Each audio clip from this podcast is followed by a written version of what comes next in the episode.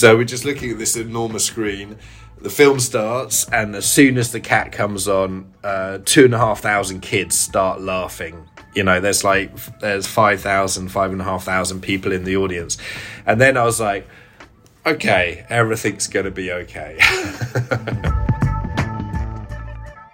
Serwus, nazywam się Piotr Ciereszyński i witam Was w podcaście Motion Kiosk. Miejscu, gdzie wraz z moimi gośćmi poruszamy tematy kariery, kreatywności i biznesu w szeroko pojętej branży motion design, czyli również animacji. A ten epizod powstał dzięki współpracy z firmą Animun, która zajmuje się produkcją animacji dla seriali oraz filmów krótko- i pełnometrażowych. Niedługo Animun będzie obchodzić swoje dziesiąte urodziny i z tej okazji specjalnie dla Was pomogli mi dotrzeć do 10 niezwykle ciekawych osób związanych z ich działalnością oraz przeprowadzić z nimi wywiady. Ludzie ci mają niesamowite doświadczenie i aktualnie bardzo silny wpływ na rozwój polskiej animacji. Dlatego nie zwlekając już, zapraszamy Was teraz do posłuchania jednego z nich. All right, my lovely ones. Uh, today's episode will be in English. It's something new for me and for you, I think. Uh, not really for my guest because he's a native English speaker. So, without any further ado, I would like to uh, introduce you Hugh Welchman. Hello, Hugh. Dzień dobry, hello. Good to be here. Perfect. You were practicing few few minutes before you're saying that, or you're already familiar with Polish language? Uh, uh, się po polsku na dwa uh, rok, roku, ale teraz, uh, yeah, now I I stopped. Uh, I I started learning when I was forty two.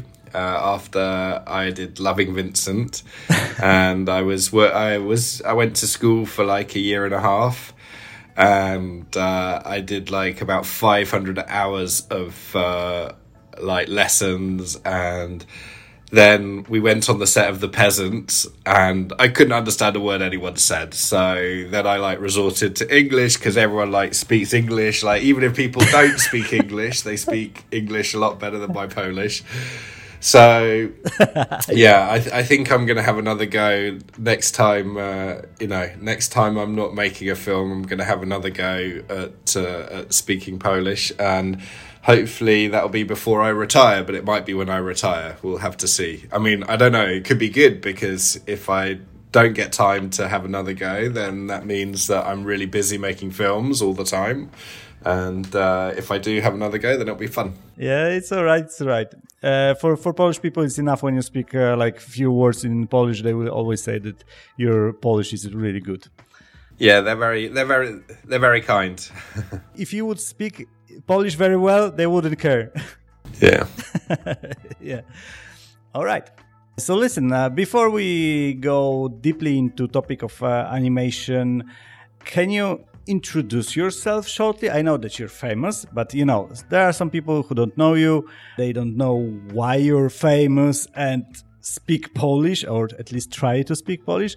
Uh, so just, uh, I'm not asking about saying your roots or something, but uh, tell me where your like uh, animation origins uh, right before producing um, Piotr animation. Yeah, so I went to the National Film and Television School in the UK and I wanted to do hard hitting, realist, uh, social realist uh, dramas uh, like Ken Loach. And I got to the film school as a producing student and I had the option in my second year of also producing an animation and I really didn't know much about animation apart from Disney. That's all I ever really knew growing up, um, and you know, kids' cartoons.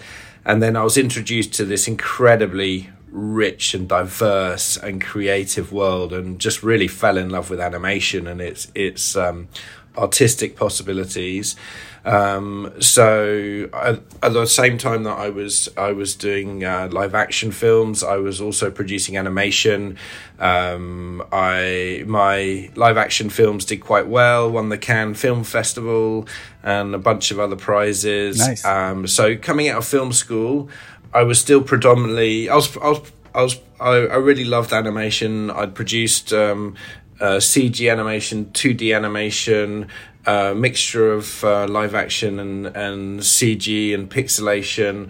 Um, so I'd done quite a lot of different techniques. Um, and I was friends with quite a lot of uh, animation directors. Um, and but I was best known for for live action. Um, and then I was approached by a friend of my stepfather's, who's a conductor, um, who'd heard about my prizes because I also got a um, a scholarship for uh, writing to go to the Berlin Film School. Um, and I got a, a, scholarship from Sam Mendes uh, a, a, year after American Beauty came out. So he was like super famous, and I was like, uh, a, I got some press by association with him, really. Um, and uh, so he'd he'd read about my my prizes and got in touch with me and said. Um, uh, I want to do. I've got an orchestra, and I want to do like a, a film with uh, live music. So uh, we talked about music. I don't really know, or I didn't know much about classical music at that time. Mm-hmm. Um, so he was talking about all these different pieces and saying, you know, the idea was doing a very like avant garde, kind of cutting edge, very kind of arty small budget um, film to go with uh, with his orchestra. Um, and then he mentioned Peter and the Wolf, which is the only piece of music that I did know what he was talking about because you know um, I'd been played it uh, quite a lot when I was a kid. Really? Yeah. So, and I was like, oh yeah, I've heard of that. That sounds fun. So then I looked it up, and uh, it turned out that Disney and Tex Avery and Chuck Jones had all done versions of Peter and the Wolf. So, you know, some of the most famous, well, the most famous animators of all time had done versions of Peter and the Wolf.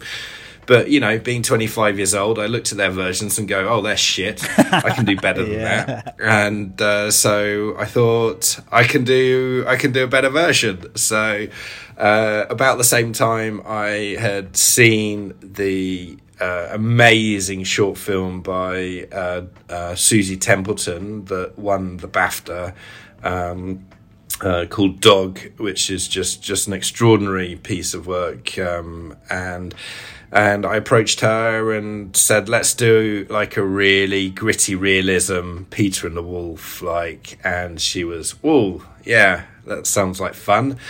so we did that, and uh, then Peter and Wolf took over my life, and um, it was meant to be, you know, a kind of a one year, two year project while I was uh, developing my live action films, and it just took over my life, and we finally got the money together. It was a it was a lot of problems getting the money together, especially because you know my my whole vision for it was that we were going to do it on the big screen with live orchestra and people thought that this was crazy. We could never make money with it. It was a vanity project. It was a stupid idea, and so it took us a long time to raise the money. And by the time we raised the money um, in Britain, uh, where both me and Suzie are from, there were uh, no animators available because uh, there were four big productions of stop motion going on. The biggest of which was was Wallace and Gromit um, by Aardman Studios um, there's also Fireman Sam and God, I can't remember what else was uh, Bob the Builder. Um, so there just weren't people available um, to work with, and we would just have to wait for like uh, a year and a year and a half or something for, for those productions to end.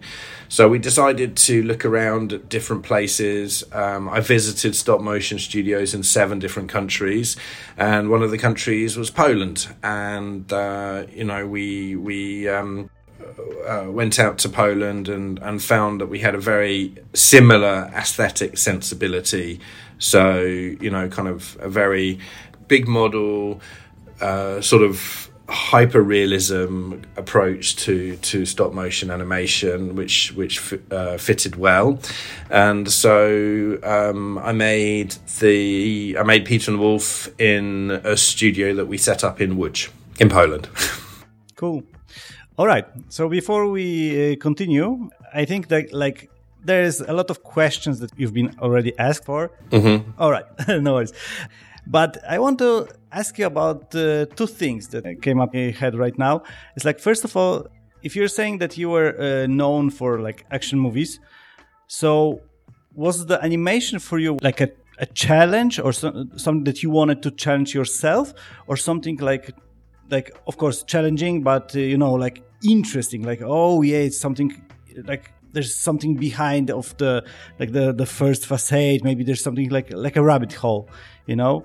Uh, what was in, like how was the in, the animation uh, at that moment for you? Well i think it was like a fun part of my work. It was a sort of you know um, I saw it as something I really enjoyed doing, um, but I didn't see it as a career because in animation, it's impossible. I thought at the time, and you know, um, it's impossible to produce feature film animation. Um, so you know, because feature film animation is very expensive and also feature film animation is only for kids or it was only for kids when you know I 20 years ago when I 23 years ago when I started. So you know as uh, coming out of film school as an ambitious filmmaker um, it was very clear that my trajectory of my career was really about um, trying to get my first feature film off the ground and um, with a live action film. Um, I mean, it's more expensive now, but you know, I was looking at uh, f- uh, you know our first feature films being like one, two million uh, dollars, um, and that was like uh, the the next step after our live action films that had won you know the big uh, festivals. Um, so really, I we were doing animation because I loved it, and uh, which is always a good reason to do something. But I didn't see any long term future in being an animation, you know, uh, producer, filmmaker.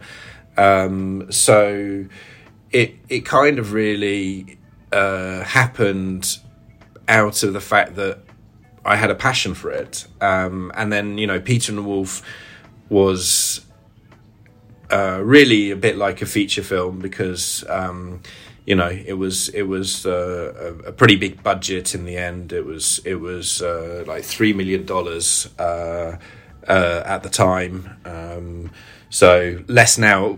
Let's see. It was 1.8 million pounds, but you know the pound has been tumbling for for quite a while now because of some stupid thing called Brexit. Um, so that's about two and a half million. Yeah, about two and a half million dollars. Um, so and also it had quite a big uh, reception around the world because of the way that we were showing it on the big screen with live orchestras. So we were at the Hollywood Bowl, we were at the um, the we had the Royal Albert Hall was uh, you know our premiere with six thousand people there, yeah, so that was yeah. just amazing. Yeah, um, I, I, I want to talk and then you know yeah so so so i think i think that um, uh, really to say i didn't see that there was any career progression in animation and and and really um, doing peter and the wolf um, which was a kind of a, a, a small passion project which became big then opened the doors for for for continuing in in animation mm-hmm. um the second question that I have for you is like because um, majority of, of my listeners are quite young people. So basically i consider that they are on the, the like beginning of their uh, career right? Tell me please about the sentence that you said that you were pretty sure that you will make peter and wolf better than like disney or uh, any other foreign uh, animators. What made you think like that and why you keep this thought like you know basically you achieved the goal? Well for me there were two big problems with the previous versions that have been done. One is that none of them were scary and i think that the wolf needed to be scary. Um, and the second was that the um, the story of the libretto so written by prokofiev is three minutes long if you if you just uh, um, read it out from beginning to end, and the piece of music is thirty minutes long, and so you the only way it can be a really satisfying visual experience is if you have a much more complicated story.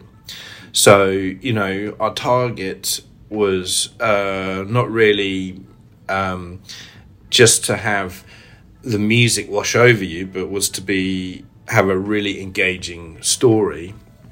Um, so, and then the third thing I think was um, that we we felt that the, there was a really fun way of of updating it in terms of um, of setting it in in in the present day. Um, and and so yeah, I, I, think, but it's really I, I, think the first two reasons mainly is that that you know they hadn't really um, tried to give it jeopardy and to make the wolf scary, um, which I think when when young kids listen to the music, they very much feel that, and the the visual um, in the the adaptations done before didn't didn't have that.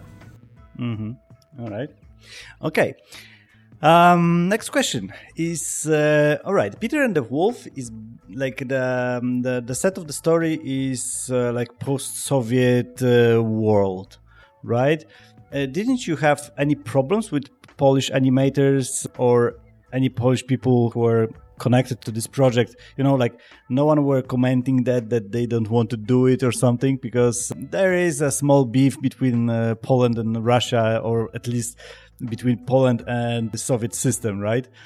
So, how Polish people were reacting on that, and maybe if there were any questions to you why, like, a British guy is interested in creating some Soviet story or something? Um, so, well, I mean, you know, uh, very much in terms of of that direction, it was it was very much Suzie who was. Um, leading with that. So it was a British woman who was was really pushing the agenda, I would say, and the, actually there was incredible like harmony in terms of the the vision of the look of the film, because you know Marek Skrobecki, you know, um, who was designing from the Polish side, and unfortunately our designer whose surname I've forgotten right now. Um, Jane, uh, she she she died a long time ago. Um, but but you know they had an incredible meeting of minds on the the look of it because uh, Marek had grown up Łódź. and uh, in a tower block, you know. So, um, I mean, he he understood that world, and you know, and Adam Wyrwas, the lead uh, you know lead animator. He, he grew up in uh, in a small tenement in Central Łódź. So it's like these guys that um, we were working with had lived under in those conditions and you know had been through the the horrendous you know post Soviet collapse as the horrendous you know era before the collapse and also the the, the tough the tough 90s as well. So they'd lived it. So mm. for for them it was um, it it was very familiar. And i mean if you look at if you look at how the film ended up looking you can see a lot of Łódź in there. So it's like uh, there's in the design of the flats i mean there's obviously you know some uh, relationship between between blocks of flats in uh, the north of Russia, in cities in the north of Russia, and Łódź, uh, because uh, it was part of the same architectural requirements and and cheap buildings, you know. Yeah.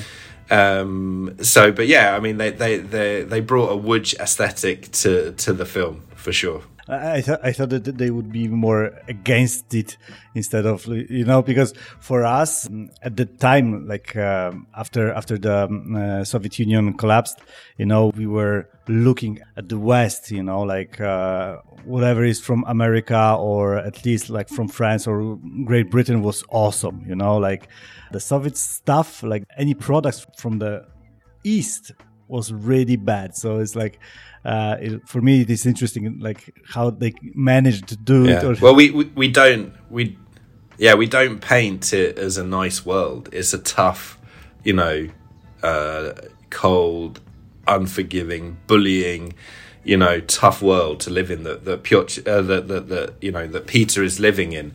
So um, I think it's highly critical of of that uh, in, environment.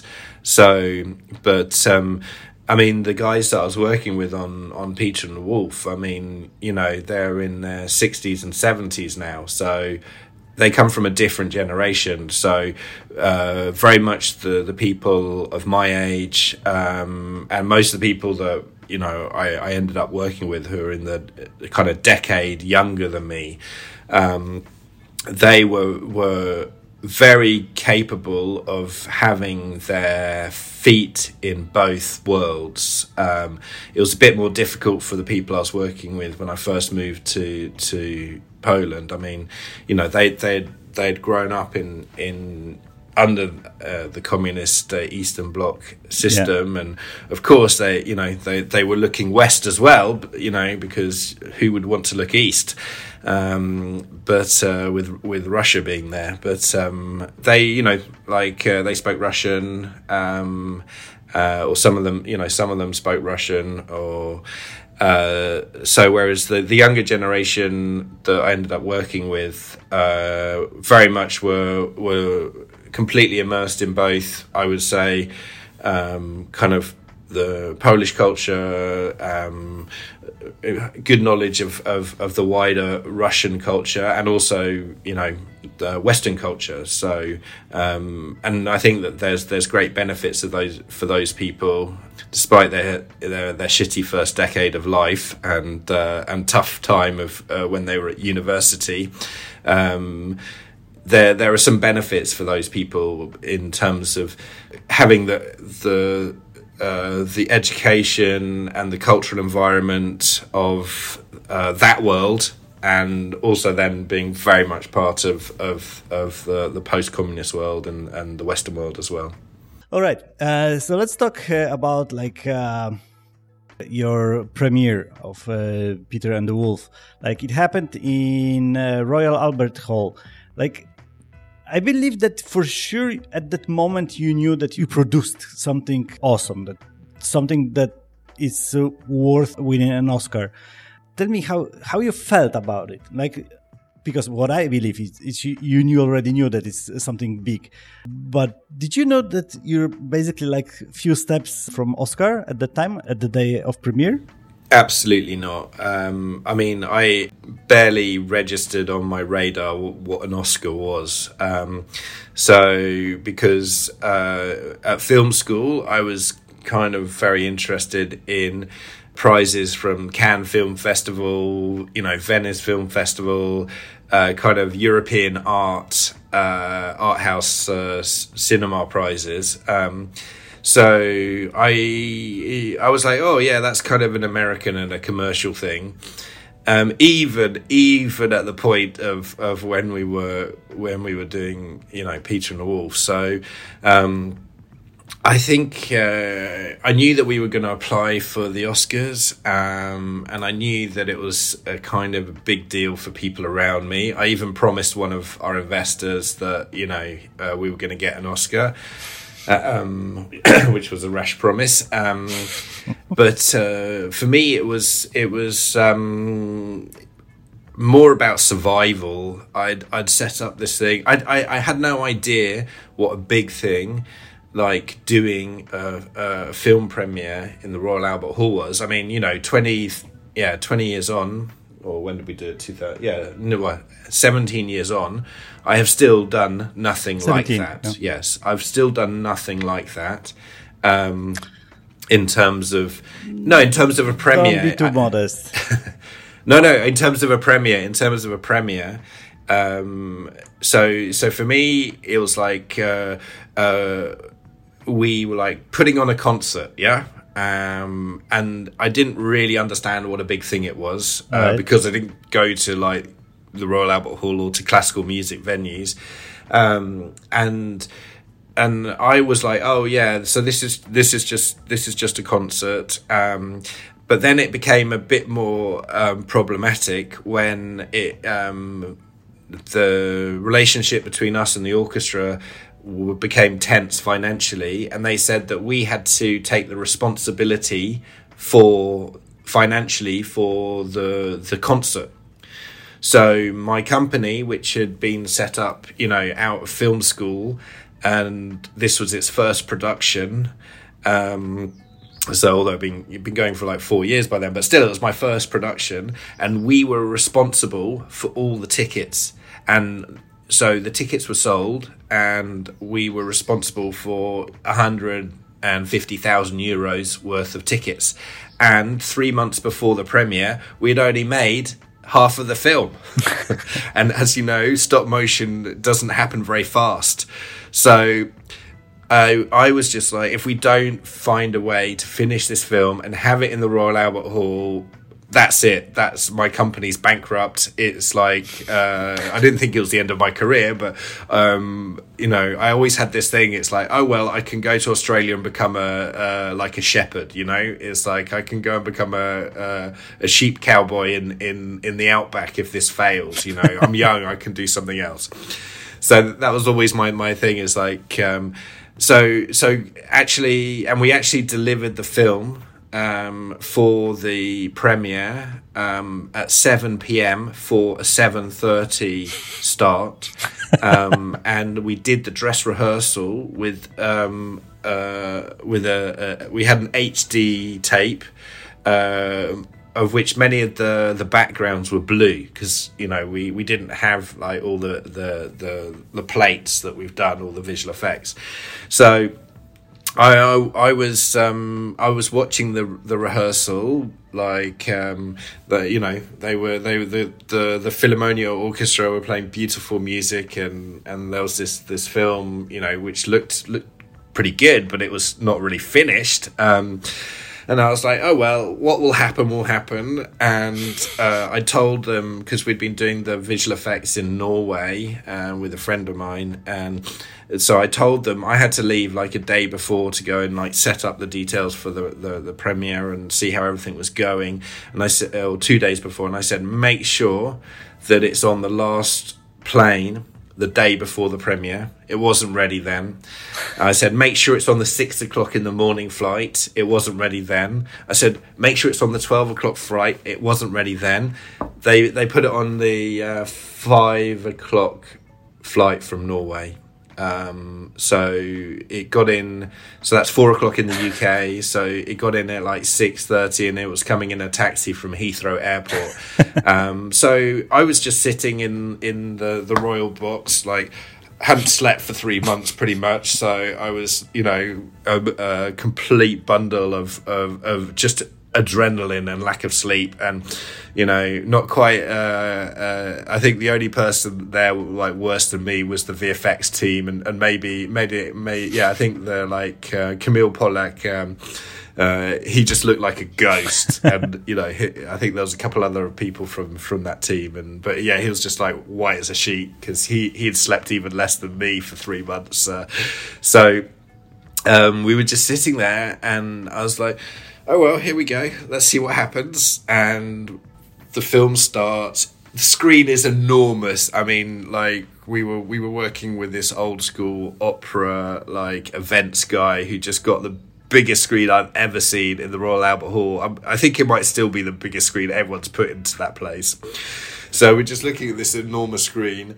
The film starts, and as soon as the cat comes on, uh, two and a half thousand kids start laughing you know there's like there's 5000 five and a half thousand people in the audience.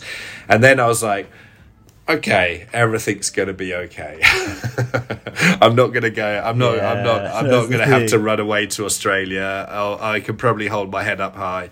So i think i wasn't thinking about oscars. I was thinking about survival really. Um, and that was it. So you know uh, but it was an amazing night. It was just yeah, it was an sure, amazing for sure.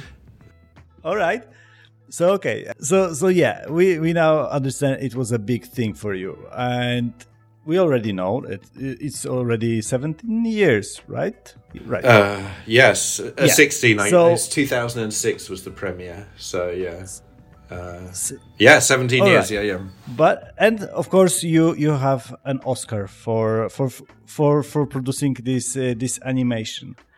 So when you say uh, like right now you're talking how how big it was for you but uh, we have to understand that if uh, if the film wins an Oscar, right, it, it means that it's a big thing for the world. So, uh, what do you think? Like, what made your film so important to the world that it, it won an Oscar? Oh, yeah. Um, well, I mean, quite honestly, I think that the the most important ingredient was Suzie Templeton. Um, uh, the director uh, who also adapted the, the script uh, with Marianela Maldonado. But, um, you know, there were a lot of important creative people on the project. Um, so, but Suzie had an incredible, like, uh, film. She has an incredible filmmaking brain. Um, I'm always very sad that she she never really did more film that she didn't do more films after Peter and the Wolf because um, she put an incredible meticulous uh, amount of energy into every aspect of of it. Um, so I think you know the most important thing was was, was her talent as a filmmaker and her vision. Um, I think the second most important thing was the fact that I had set it up to do it in big um, orchestral venues, um, which means that that you know a lot of people were excited by that idea. Um, and allowed us to to re- to to make a bigger film, and I also think that um, you know making it uh, in Poland it, it was it was a really good fit with the team uh, that we were working with there. Um, so I think I think those those three things kind of came together to make something that that resonated with audiences. And of course, Prokofiev. Uh, you know what I said at the beginning was you know, when I was meeting this guy, I remembered this piece of music from when I was four years old because it's it's means a lot to a lot of people. Um, so there's an audience out there for it already who know it, who maybe haven't heard it for 20 years or and want to take their kids to see it or their grandkids to see it. And we managed to uh, really engage uh, the audience. So peter and the wolf fans were not disappointed. They went to see it and they were like dramatically engaged. And even uh, Prokofiev's you know family were like we love this film it's it we really think it, it resonates with with with the with Prokofiev's uh, music and and we've got an incredible soft spot for it. So um, it was just it was it, the elements kind of came together um, and you know from my side uh, i was producing with um, um, alan dewhurst um, who um, had a lot of more experience than me he'd like had 20 years producing experience in in in animation mainly in in commercials in in the uk um, but had a great knowledge of, of animation and the and the,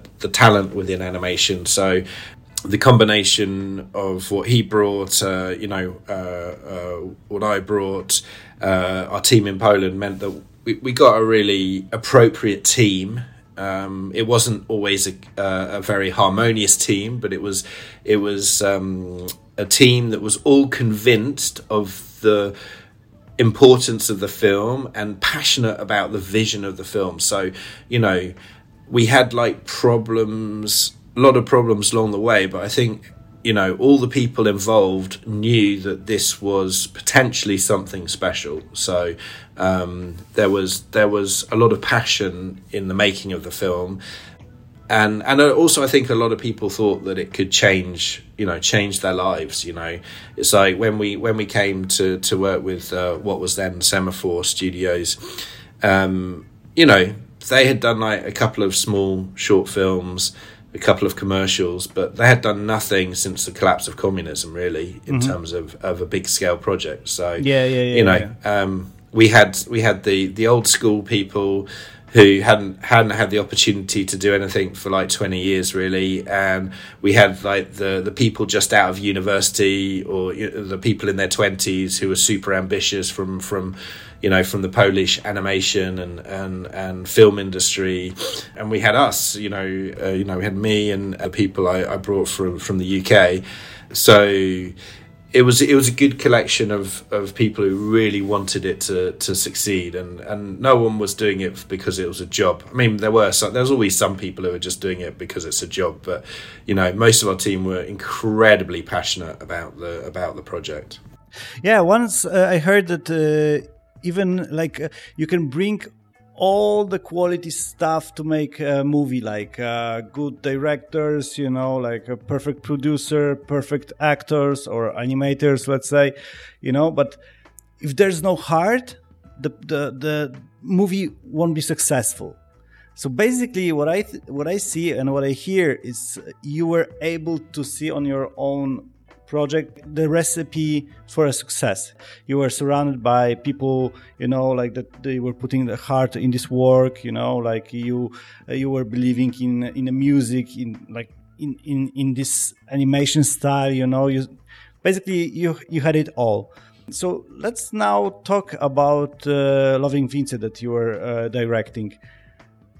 Did you try to achieve the same goal or not? Or you put maybe a little bit different goals for yourself during directing uh, like um, full yeah how you call it? Like how you call it? Animation or a, or an action movie?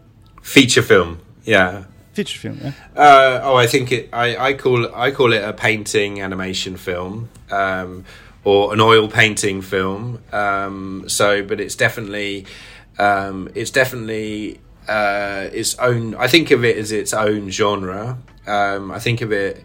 It's both. It's both live action and it's both animation. Um, and uh, it, it's it's a it's such a such a, a combination of both. Um, but you know, it's oil painting. I mean, when when uh, when you look at uh, Van Gogh painting, you don't go, "Oh, it's a live person and it's a painter you know it's an oil painting. He paints uh, real people real landscapes. And the end thing that you're seeing is um, oil on canvas.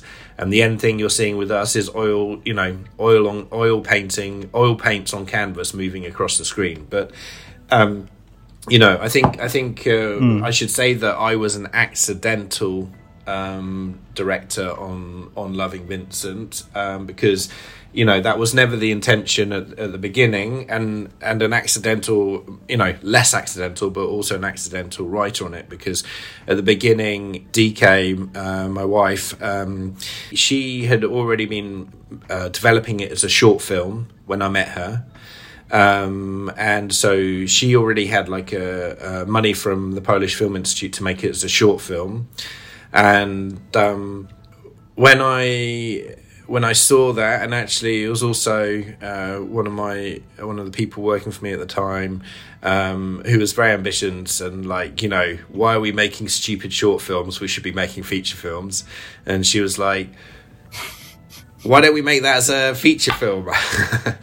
and uh, I I kind of looked at the style and I, I thought about it and I thought, you know what, that's that's that's pretty that's maybe possible because you know even though it's like painting a feature film sounds ridiculous thing to do, it was like I mean, it's Van Gogh, you know, it's uh, it, it's something that that could could be you know reach an audience, um, and also I just thought like the style was amazing. So uh, I think I, I was just really enthusiastic for what uh, DK was doing. I wanted to support her um, you know, there's no there's no future. You can't make a living, or, or certainly not as as as a couple out of doing short films. Um, so you know, I think I think uh, uh, we thought that there was a possibility for making it into a feature film, and at the beginning, DK was like, "That's ridiculous." It's like uh, if I was painting it, I would be painting it till I was eighty years old, and I was like, "Yeah, we'll probably need to find some other people to animate it as well as yourself. You can't do it all on your own." Then uh, we we were working with uh, Jacek Dehnel, um, a very fine Polish writer um, who um, did a first draft for us, and um, it was very poetic, uh, but it wasn't. Uh, it wasn't very filmic. He, I mean, he really what he did was was was kind of um, long soliloquies by the main by the people being interviewed by the main characters and so from that point, uh, me and DK started uh, writing it ourselves. And I'd, I'd you know, I, would always had a vision for myself that I was going to produce till I was 40 and start writing when I was 40. Um, so, you know, because at film school I did I did producing and, and also I, I started uh, going to the Berlin Film School for for writing. Um, but then I, I, left there so that I could continue producing. Um, and um, so we started writing it together. And there was just a lot to do, which meant that, uh, like, uh, I became um, very involved in in directing uh, the live action to, to, together with her. So there was there was certainly enough work for two people. So that's kind of how that happened. And our vision at the beginning, I think, was that we could make a fairly low budget, even by European standards, uh, animation film, um, which could resonate with an adult audience. And I think, you know, one of my strengths and also my weaknesses is when I'm passionate about something, I don't really see the the um, negative sides or the barriers.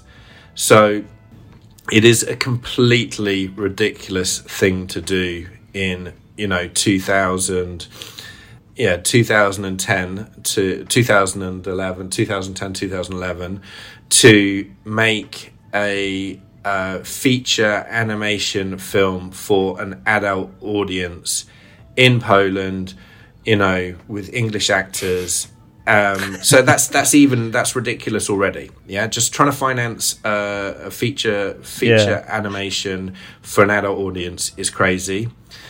Doing it from from our, our level of experience and background is crazy. Painting it is just off the scale, ludicrously ridiculous, just so stupid. Uh, but like when you're doing it, you don't. See, I don't see that, and so people are going like, you know, well, yeah, no one's ever done that. That's impossible. And why would you do it anyway? Is like uh, probably it like people's eyeballs will drop out of their face if they saw moving Van Gogh pictures, and it would just be like an like an curiosity, and it's a vanity project, you know. And you should do something sensible. And I think you know, uh, DK was told off as like. Uh, you haven't even, you know, you haven't even done like uh, you haven't even graduated from the Łódź Film School. How can you be a director? It's impossible, you know. Um, yeah. So uh, we just yeah. So I think I think you know when I'm when I'm really passionate for something like with Peter and the Wolf, like like with that, um, probably like with the peasants and other things in the future, then I don't see the negative sides of it. I just see that it's going to be amazing. Yeah, but one thing is is that you were passionate about it, you know. But as I read, you questioned around like 1000 or more painters to help you with uh, with this movie. So basically you had to find that much people same with the same passion to, to this project as, as you. Because I, I don't believe that for, for other people it was like it was like oh yeah it's interesting. They, they had to believe in this yeah, unfortunately, not the people who give out money, um, but but very much like um, uh, you know, we we we had two or three private investors who were very passionate about the project. We had a, a sales agent who was you know very passionate about the project. You know, our co-producers, Trademark Films in the UK. Um, we I went to to to meet with them. Um, the first thing they said is we don't do animation. but we can give you some advice. And I showed them the trailer of uh, our concept trailer for for uh, Loving Vincent, and they was like, "Ah, we do animation now." um, so um, they they became very passionate about it. Um, so you know we had a small we had 113 financing meetings to to get together our eight or nine financiers of the film. So we we had mainly rejections but we did have the people that we did have were very passionate about the film. And the the team that the the because I mean the people that obviously there was me DK uh, Piotr Dominic and and and Tomek who who like uh, uh, Tomek Wokniak who uh, a core part of my team have been working with me since Peter and the Wolf. Um, so I had around me, you know, people who I've been working with. Uh, I've now been working with them, you know, quite a long time. Um, and so we had quite a tight team around us who believed in it fully and and and were very passionate about the project. And then there's a lot of Van Gogh fans out there. So when our when it our teaser trailer, which was oh actually it was an advert because we were struggling to find painters, and it went the the advert went viral. And when it went viral, then all of a sudden we got thousands of painters from around the world sending us their portfolio and wanting to come and be part of this this production. So we had 125 painters uh, from 25 countries. Mm. Uh, come to Poland or to Greece. We had a small studio in Greece. We had two studios um, in Poland, one in Gdansk and, and one in Wroclaw there was, you know, uh, people wanted to, a lot of people wanted to be part of the adventure. You know, some people uh, were amazing painters who wanted uh, money. Um, and so, you know, like I, I, think particularly from kind of our amazing uh, painters from Ukraine, they saw it as, as, a monetary possibility, as a job that they can use their amazing painting skills to, to, to earn money.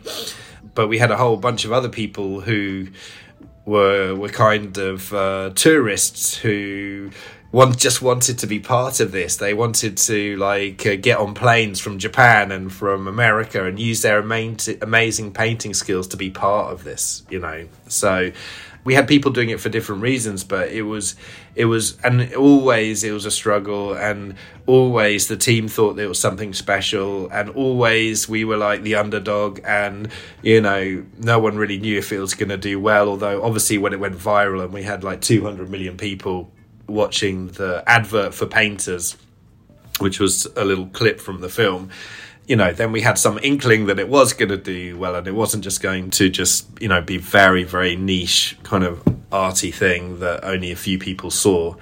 So yeah, there was always this sense of like we're struggling to do something new that no one's done, and it's very exciting. So so that that energy was was, was great. I mean, you know, it was such a it was such a joy. Like Peter and the Wolf, like there was lots of fun times, but it was unbelievably stressful and and some some really like dark times for me like making that film and and and and loving Vincent. You know we we often had financial peril but it was always a joy. Like the the experience of making it was was somehow always fun which is it's not something I've ever had before or since that sense of mm. of of fun making a film. It was great hope to have it again. uh, I saw that the biggest chunk of money that you, that that the movie earned was from China. It's like around ten million dollars or something. Yeah. Uh, why is million. that? Like, why why not Europe? Yeah, why not Europe? Because uh, Europe doesn't have one point three billion people.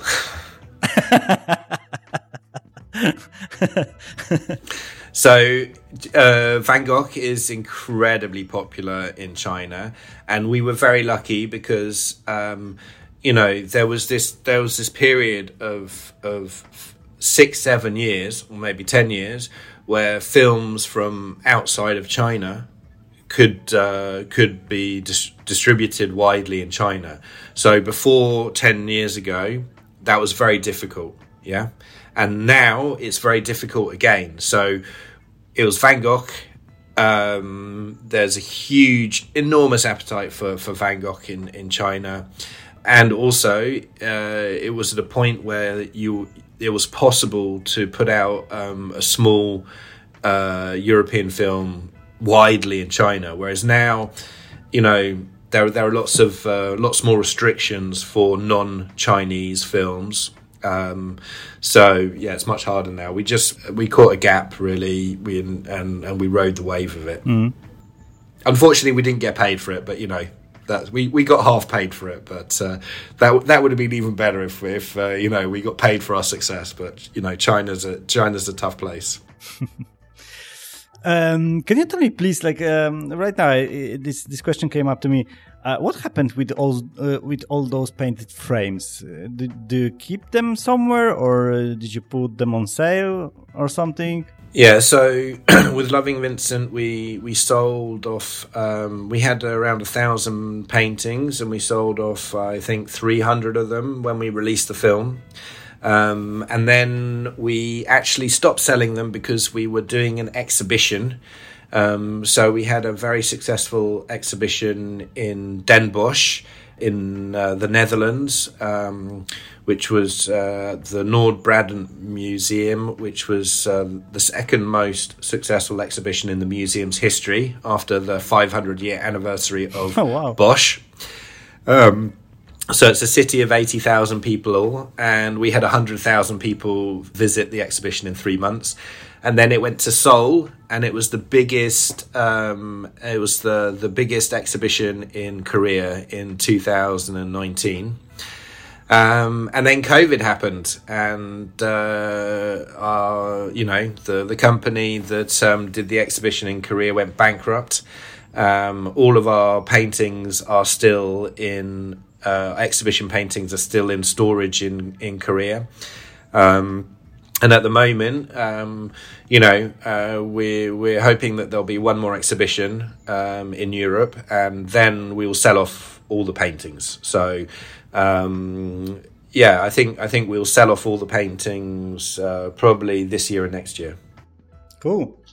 Can you tell tell uh, to our audience from your perspective why Loving Vincent didn't won an Oscar even if it it was nominated to it?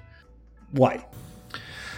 Because um, in the feature animation uh, division, which was set up, I think, in 2003, so it's been going for like 20 years. Um, or even less than that. When was Chicken Run? So I think it's been going since since around 2000 and yeah, maybe even like 2006, something like that.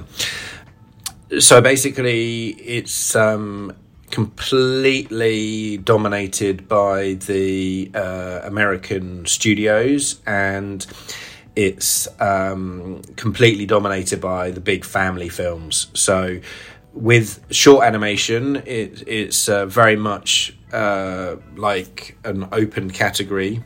Um, but with the feature animation, um, it tends to be that the people, uh, the Academy members, uh, apart from in the animation branch, which itself is is quite dominated um, by people who work at the the big studios. But I mean, the people at the big studios are, are often big fans of of all sorts of animation. So you know, um, they're actually more likely to to vote for non studio films than I think uh, anyone else in the academy.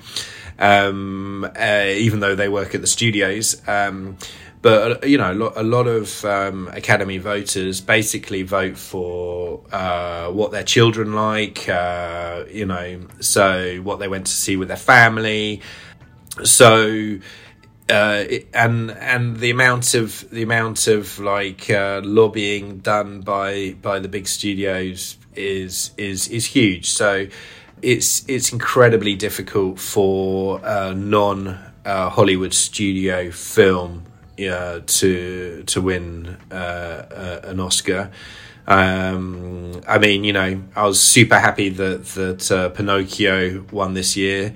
It's Del Toro, so a, a, big a big name, and and obviously it had uh, a big fi- quite big financing behind it. But still, it was for me it was it was a great um, uh, result. Miyazaki's Spirited Away was was hugely pushed by by Pixar. Um, so it was it was um, uh, very much um, promoted by by by the studio, and uh, but still just great recognition for for one of the the greatest film artists of all time. So, and then the third film that, that was was Rango, um, you know, which uh, was a thirty million dollar US uh, film, but very much family entertainment, CG in in that in that mold. So, um, it's going to be it's going to be a, a game changing day when um, when we have um, happening in the animation category what what has happened many times in live action, which is where you know a great uh, uh, independent movie uh, wins the category. It just never has happened. Uh, it happens at the in the in the main prize several times. You know, people know it's possible for for smaller films to win Oscars. I mean, it doesn't happen regularly, but it can happen. Whereas, you know, there's a feeling in in animation that it just can't happen because there's a stranglehold. Um, and also, there's a perception problem. You know, there's a perception problem that people still think about animation as kids' films, as family films you know pixar have worked hard you know to go from oh it's not it's not just for kids it's for everyone. And it has to be because they make their films for like 400 million dollars so they need everyone to come and see it otherwise they won't get their money back you know. But they they've worked hard to to to kind of go from it's it's something you take your kids to for it's like it's for for everyone.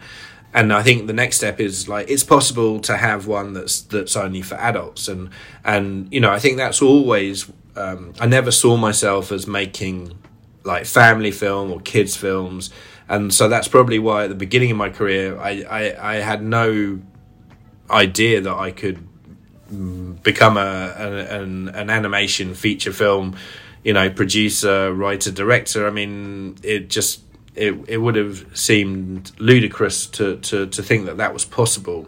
And now I think after Loving Vincent, it's it's step by step. You know, uh, we had Waltz with Bashir. That was like a step forward. You know, for for um, adult animation feature filmmaking. Um, uh, Persepolis uh, was kind of the next one that had had some box office success.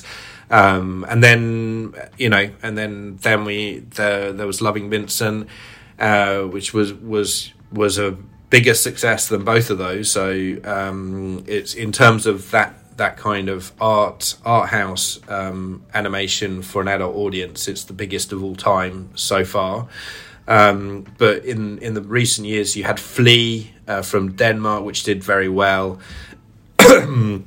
so you know the and and and this year Marcel. Uh, uh, the shell with shoes on, um, just incredible success um, and, and and very innovative. So, step by step, I think it it it's uh, going in a more interesting direction and a more diverse um, direction, and audiences definitely have an appetite for that diversity, um, and and hopefully we can do more.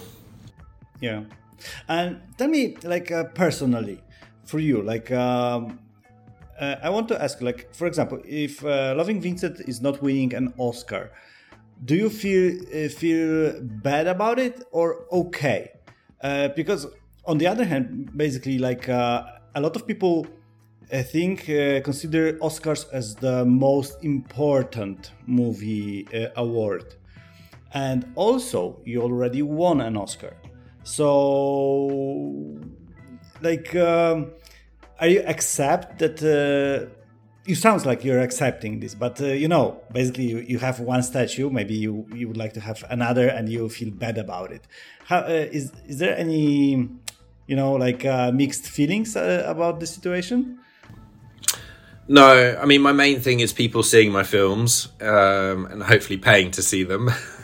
Um, so uh, for me it's all it's it's it's all about um, you know connecting with an audience and and and making something that that you know people want to see and that that affect people in some way that move them that entertain them and also you know i very much try and find projects which i think are going to last there's several thousand films made every year and most of them disappear off the face of the planet um, before the year is out.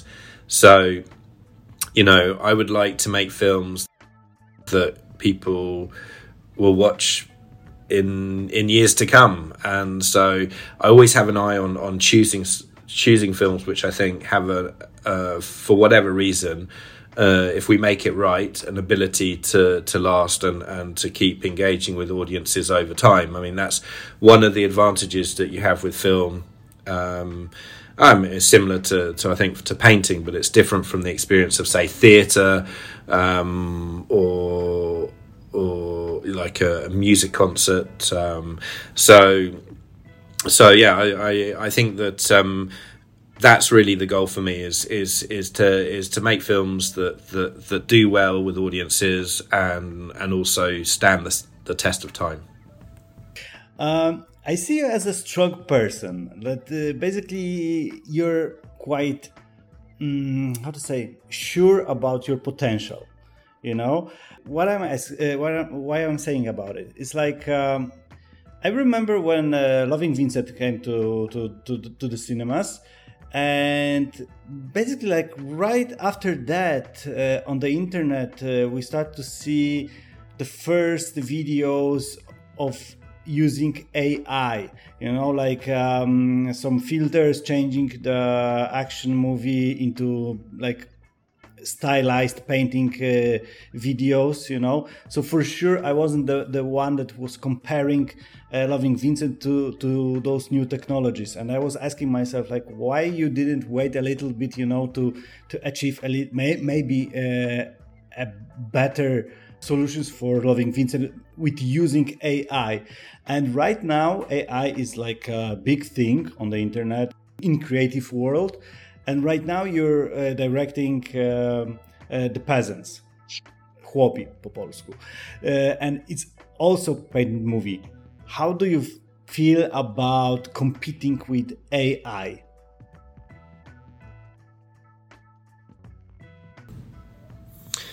well at the moment there's no competition. Um, so it's not like the music industry where um, AI seems to to be making incredible like uh, advances in, in in terms of being able to compose music, uh, which is indistinguishable from from music from from from great um, composers. Um, AI cannot paint oil paintings right now. Um, I know because we, you know, we we we're constantly researching, working with AI. And and uh, at the point when it becomes a useful tool for oil painting animation, which I hope will be soon, then we'll start using it. But uh, uh, at the moment, uh, the AI works in and dots, um, uh, which means that it's it's it's really uh, it, it's not well set up for for doing brushstrokes. Um, so, and I don't think it's pretty. It's it's uh, going to be well set up for doing puppet animation. Um, uh, so there's there's a whole visual side that um, AI um, uh, struggles with at the moment, um, and at the moment you know, from the beginning, we've always employed technology. So when we did Peter and Wolf, we wanted it to look old school. We wanted it to look uh, gritty, real. But we had to use an incredible amount of technology to, to make puppet animation look that way. Um, so, and with Loving Vincent, you know, uh, we we always had to um, combine the oil painting process uh, with VFX, CG animation, 2D animation, um, uh, digital painting, uh, so digital photography, uh, live action. So it's AI is just another tool. Um, it's another tool, and you work out how to to use it. Um, oops. Yeah, the quality of the connection is right now It's really, really bad. Yeah, do you hear me still, Piotr? Yeah, I can hear, you, but yeah, just try to reconnect maybe. Yeah. So, but anyway, Piotr, I've got to go to work. Um, so, but do you want to do like, uh, should we do part two sometime? Yeah, I would love to. Do you have more questions? Because I have to go to work now. now. Yeah, I understand. Yeah. So I don't want to stop you. Go to your work. Thank you for your time. Yeah, thank Uh, you it was too. a really pleasure.